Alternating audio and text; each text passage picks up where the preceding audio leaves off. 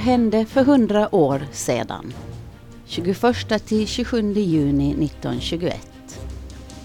Den 22 juni skriver tidningen Åland om en intervju i en svensk tidning med professor Miljukov, den tidigare ledaren för det ryska kadettpartiet.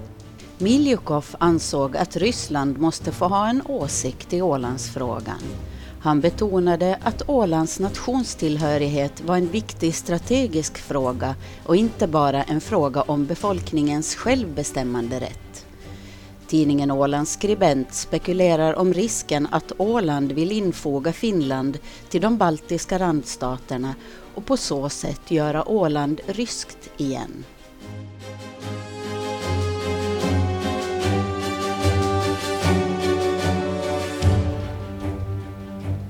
Åbo underrättelser rapporterar att Aftonbladet propagerar för att Åland ska bli svenskt.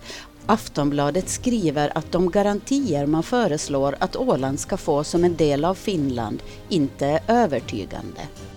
Därför är det också alldeles naturligt att Sverige dessa dagar med de varmaste förhoppningar om ett lyckligt resultat följer med verksamheten av de svenska män vilka i Genève arbetar för skyddandet av den fäderneärvda kulturen i Sveriges bästa landsdel, Åland, som för 112 år sedan med våld frånslets Sverige.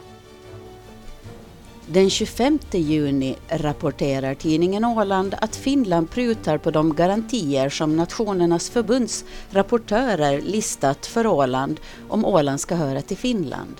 Det är utnämnandet av landshövding, finska språkets ställning i skolorna och Ålands rätt att under vissa omständigheter direkt vädja till Nationernas förbund.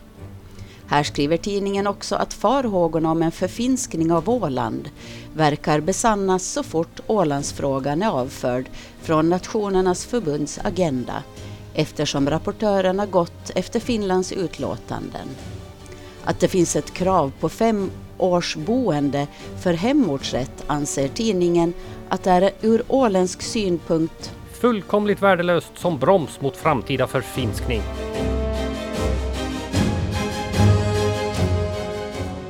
Den 24 juni 1921 är det datum då Nationernas förbund i Genève ger Finland suveräniteten över Åland, trots att många vill tillhöra Sverige. Men Åland garanteras ett stort självstyre. På plats finns ålänningarna Johannes Eriksson och Karl Karlsson. Det inkommer svenska protester, bland annat statsminister Hjalmar Branting anser att frågan inte lösts efter principen om folkens självbestämmanderätt.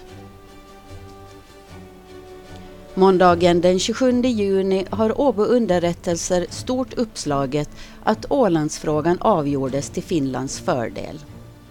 Och åter tolkar tidningen in Ålandsfrågan i tragiska händelser på Åland.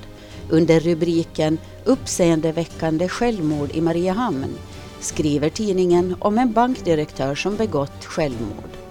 Man spekulerar. Den avlidnes ekonomiska ställning torde ha varit undergrävd.